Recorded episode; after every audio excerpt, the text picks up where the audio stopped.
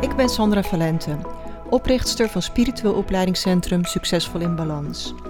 Als je graag persoonlijk en spiritueel wilt groeien, dan ben je hier precies aan het juiste adres.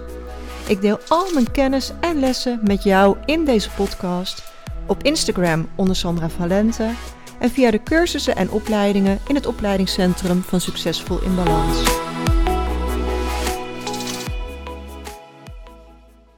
Super welkom bij weer een nieuwe podcast. En in deze aflevering wil ik het hebben over leren om nee te zeggen.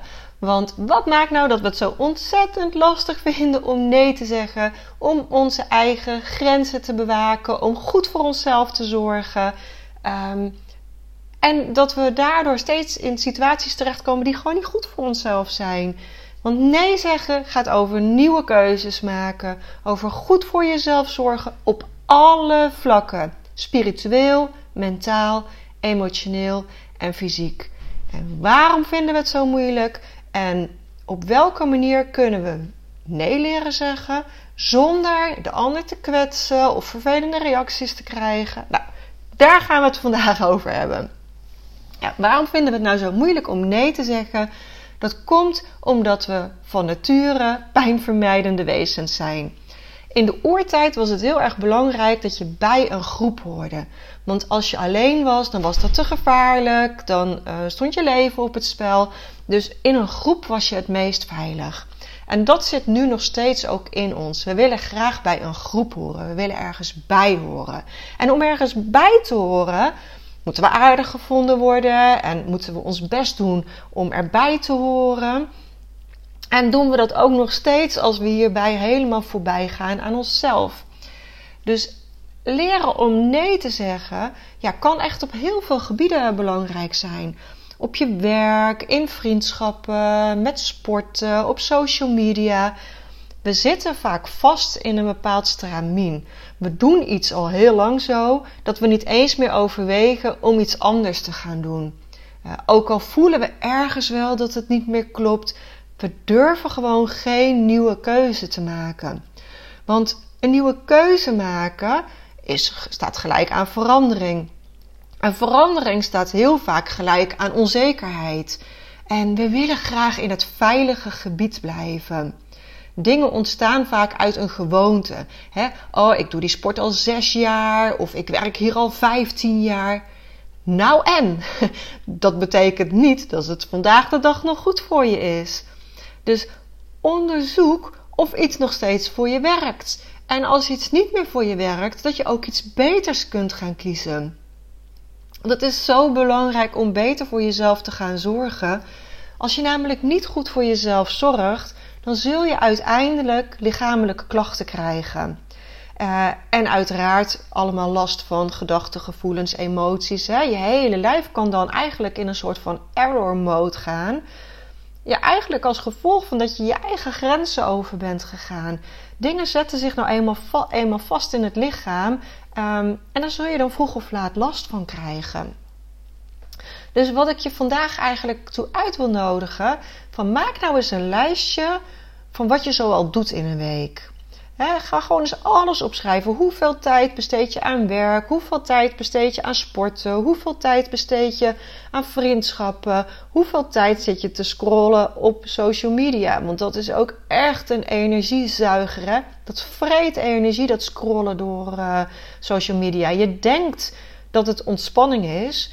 Maar kijk eens wat al die verschillende posts met je doen al die mensen die laten zien hoe leuk hun leven vooral is. En jou het gevoel geven dat je iets mist of dat je iets niet goed genoeg doet. Of, hè, um, maar ook heel veel negativiteit zit er ook op. Hè. Mensen hebben allemaal een mening. Al die meningen worden over je heen gestrooid op social media.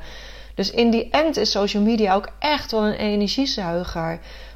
dus, dus maak eens een lijstje van ja, wat je op een dag doet en dan voor een hele week. En misschien kun je eventjes uh, gekleurde stiften uh, erbij pakken. Hè, wat geeft je energie en wat kost je energie?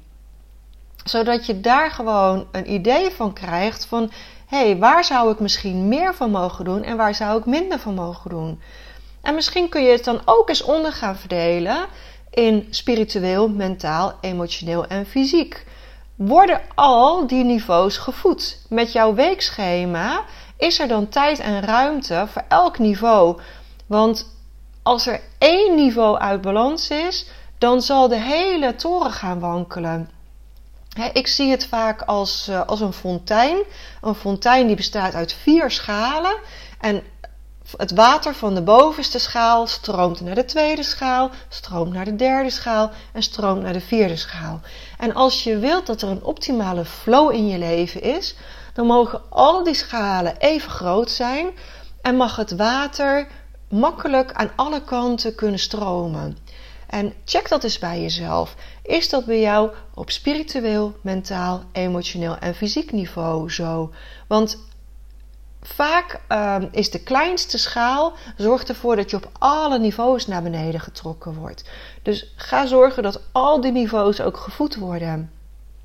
En ja, je goede gezondheid begint ook gewoon bij balans tussen energiegevers en energienemers. Dus bij alles wat je doet in zo'n week, wat levert het je op? En dat is echt heel belangrijk om bij alles na te gaan. Wat levert het me op? Want uiteindelijk kost alles je tijd. Of het nou gaat om mediteren, om werken of door social media scrollen. Alles kost tijd. En iedereen heeft 24 uur in een dag en jij mag elke dag bepalen hoeveel tijd je waaraan besteedt. En op het moment dat we zeggen dat we ergens geen tijd voor hebben, vraag je dan eens af: heb ik geen tijd of is het geen prioriteit? Want ik ben ervan overtuigd dat als iets belangrijk genoeg voor je is, dat je er tijd voor kunt maken. dus op het moment dat je zegt: ik heb ergens geen tijd voor, dan is het geen prioriteit. En zou je er ook op die manier naar kunnen kijken. Ehm, weet je, en sommige mensen, ja, die moeten helaas eerst in een burn-out terechtkomen. Voordat ze tijd hebben om elke dag te mediteren of elke dag zichzelf reiki te geven. Uh, pas dan ontdekken ze hoe belangrijk het is en gaan ze het doen. Ehm, ja, en ik combineer die twee ook heel vaak. Hè? Want mediteren en reiki geven kan ook perfect tegelijk. Dus maak het belangrijk. Zorg nou dat je niet eerst ziek hoeft te worden, dat je niet eerst in die burn-out hoeft te komen. Maak het gewoon belangrijk in het nu. En besef ook dat overal waar je oude deuren sluit, zullen nieuwe deuren opengaan. Het universum zal altijd met je meebewegen. Als jij het aandurft om krachtige keuzes te maken, dan zal het hele universum zich inspannen om nieuwe mogelijkheden voor je te creëren. Vertrouw daarop. Uh, ik heb dat zelf ook zo ervaren. Ik heb ooit uh, mijn baan in de reiswereld heb ik opgezegd zonder dat ik iets nieuws had. Ik had een uh, flat, ik had een auto, ik woonde alleen, ik had geen partner. Dus ik had inkomen nodig om aan mijn verplichtingen te voldoen. Maar ik voelde zo sterk dat die reiswereld niet meer was waar ik in verder wilde. Dat het echt tijd was om op zoek te gaan naar nieuwe mogelijkheden. En ja, sommige mensen zullen dan eerst uh, rond gaan solliciteren voordat ze hun oude baan opzeggen. Maar ik voelde echt tot in mijn tenen van er is altijd werk voor mij. Al moet ik tijdelijk frietjes gaan bakken bij McDonald's uh, of achter de kassa ergens staan. Als ik wil is er altijd werk. Maar ik voel gewoon dat ik eerst nu een krachtige energetische keuze moet maken en dat er dan nieuwe mogelijkheden zullen komen. En echt, dat was ver voordat ik met spiritualiteit bezig was. Maar het voelde tot in mijn tenen zo dat ik dit moest doen. Dus ik heb uh, mijn baan opgezegd. Ik ging een vriendin verhuizen naar de andere kant van het land. Ik was haar daarbij aan het helpen.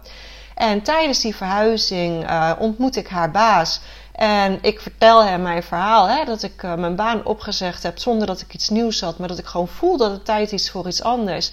En die baas die zegt tegen mij: Ja, ik denk dat wij eens even samen moeten praten. Uh, zullen we van de week even contact hebben? En zo ben ik dus naar de andere kant van het land verhuisd, omdat hij mij daar een baan uh, aanbood. En zo is het balletje gaan rollen. En uiteindelijk heb ik daar niet heel lang gewerkt, want dat bedrijf ging failliet. En zat ik daar aan de andere kant van het land um, zonder baan. Maar zo kwam ik weer bij een nieuw bedrijf waar ik echt carrière ook heb kunnen maken. Dus uiteindelijk passen alle puzzelstukjes in elkaar. Hoe spannend het ook voelde toen ik mijn baan had opgezegd zonder iets nieuws te hebben. toen het bedrijf waarvoor ik naar de andere kant van het land verhuisd was failliet ging. Dat ik echt dacht: oh help, wat heb ik gedaan? En nu, uh, weet je, tuurlijk voel ik dan ook die paniek. Maar toch was er ook altijd een vertrouwen van: het komt goed, er komt iets beters op mijn pad. Ik heb altijd dat vertrouwen dat er iets beters komt. Dus durf je daar ook in te vertrouwen.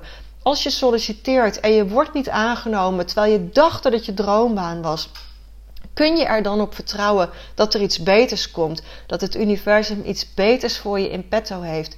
Ik zeg ook bij alles nu: het is dit of iets beters.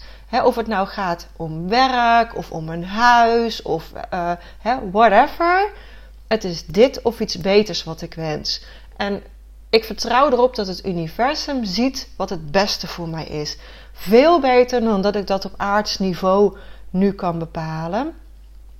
Dus ja, durf ook een vertrouwen daarin te hebben. En elke keer dat jij nee zegt tegen een ander, zeg je ja tegen jezelf. En dat wil niet zeggen dat je nooit meer iets voor een ander kan doen. Iedereen doet wel eens iets om een ander te helpen, wat niet per se energiegevend is. En voor een keertje is dat niet erg. Een ander uit de brand helpen, omdat het op dat moment goed voelt om dat te doen, um, is gewoon helemaal goed. Samen kunnen we de wereld mooier maken. Maar het probleem zit erin op het moment dat je consequent dingen doet die fijn zijn voor de wereld, die fijn zijn voor een ander, maar niet oké zijn voor jou. Je bent dan continu de wereld mooier aan het maken buiten jezelf. En in die end doe je de wereld daar geen plezier mee. Want hoe kun je iets overdragen als je het zelf niet leeft? Zorg dat jij zelf de persoon bent die je graag ziet in de ander. Dat jij de persoon bent uh, waarvan je zou willen dat er meer in de wereld waren. de wereld veranderen begint bij jezelf. Als jij heel goed in balans bent, dan zal dat een bron van inspiratie zijn voor anderen. En ja, de basis daarvan is leren luisteren naar je lichaam. Meer verbinden met je lichaam is vaak een van de grootste uitdagingen die we hebben. Want we zijn gewend om alle beslissingen vanuit het brein te nemen. Maar ga meer en meer met je lichaam verbinden. wij doen dat in het opleidingscentrum onder andere met de zielsverbinding healing. Ehm, de verbinding tussen de ziel en het lichaam is heel vaak verstoord. en dat gebeurt vaak al bij de geboorte. Zoals geboortes in uh, ja, West-Europa, zoals dat hier gaat. Dat kinderen uh, met een tang soms zelfs nog uitgetrokken worden. Dat ze terechtkomen in een hele koude ziekenhuiskamer. Um, het, het, heeft iets ruws. En sommige kinderen hebben zelfs nog de, de navelstreng om de nek. Of komen met hun schoudertje klem te zitten. vaak is er bij die geboorte al ja, een trauma, een geboortetrauma, wat er gelijk voor zorgt dat die verbinding tussen die ziel en dat lichaampje verstoord raakt. Want het is niet veilig. In dat lichaam zitten is niet altijd veilig. En als je dan gedurende je leven ook nog dingen meemaakt die dat veiligheidsgevoel aantasten, dan wordt die verbinding tussen die ziel en dat lichaam, ja, die wordt steeds uh, kleiner. En sommige hooggevoelige mensen maken er zelfs een gewoonte van om regelmatig die ziel er gewoon even uit te laten vloepen. Die gaat er gewoon even uit, die blijft wel met een zilveren koordje verbonden met het lichaam. En dan vervolgens gaat hij er weer in. Um, die gaat heel hoog in het lichaam zitten. Zorgt er vaak ook weer voor dat mensen hoog gaan ademen, veel in hun gedachten gaan zitten. Terwijl die ziel is het beste op zijn plek als die heel lekker onder in die buik zit en iemand helemaal vanuit zijn lichaam kan gaan voelen van ja, wat heb ik nou echt nodig? Zodat elke aanwijzing van het lichaam ook gevoeld en begrepen kan worden. En die zielsverbinding healing, die kun je weer verbeteren. We hebben een online programma waarin we dat doen. De Rust in je hoofd uh, training. Daar zit de zielsverbinding healing in. En we doen hem ook in de lichaam reset methode. Dus dat is de, het vervolg na de rijke therapeutopleiding. Dan kun je eigenlijk een, een tweede jaar doen. En daar zit ook die zielsverbinding healing zit daarin. Super belangrijk om ook weer dat beter te gaan herstellen. Want dan ga je voelen: wat heb ik eigenlijk nodig? Ja, en als je dan op een gegeven moment voelt dat iets niet goed voor je is, als je denkt, ja, ik moet hiermee stoppen of ik moet hier nee tegen zeggen, hoe doe je dat dan? Op zo'n manier dat je zo min mogelijk weerstand oproept bij die ander.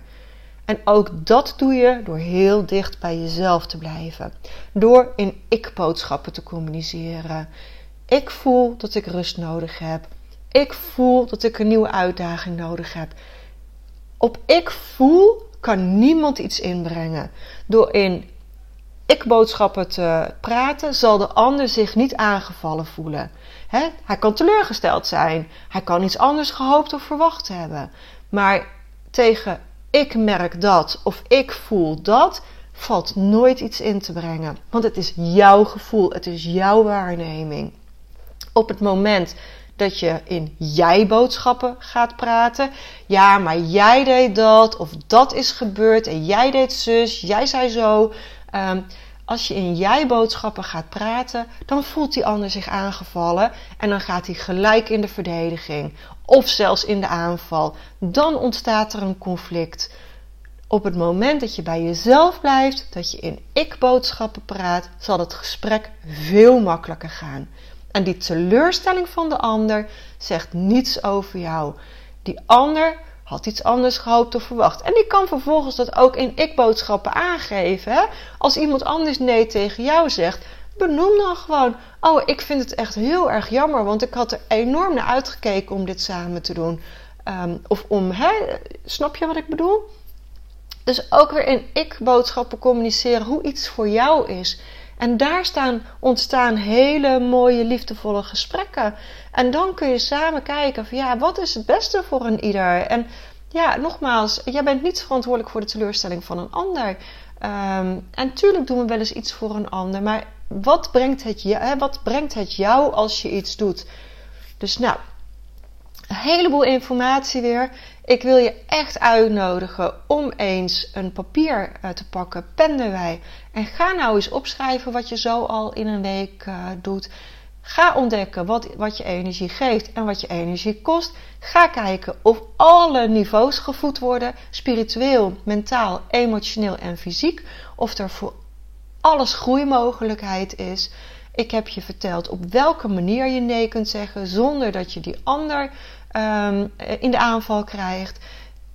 En dan ben ik heel benieuwd hoe dit voor je is. Want dit is vaak wat we het allerlastigst vinden. Um, om goed voor onszelf te gaan zorgen. En om keuzes te maken die goed voor ons zijn. En om nee te zeggen als dat nodig is. Dus deel ook deze podcast weer. Ik weet zeker dat heel veel mensen het lastig vinden om nee te zeggen. En hoe gevoeliger je bent, hoe lastiger het is. Juist omdat je heel goed waarneemt wat de rest hoopt, verwacht, noem maar op. Dus ga hiermee aan de slag en leer nee te zeggen. Dank je wel dat je weer aanwezig was bij deze podcast en heel graag tot de volgende keer.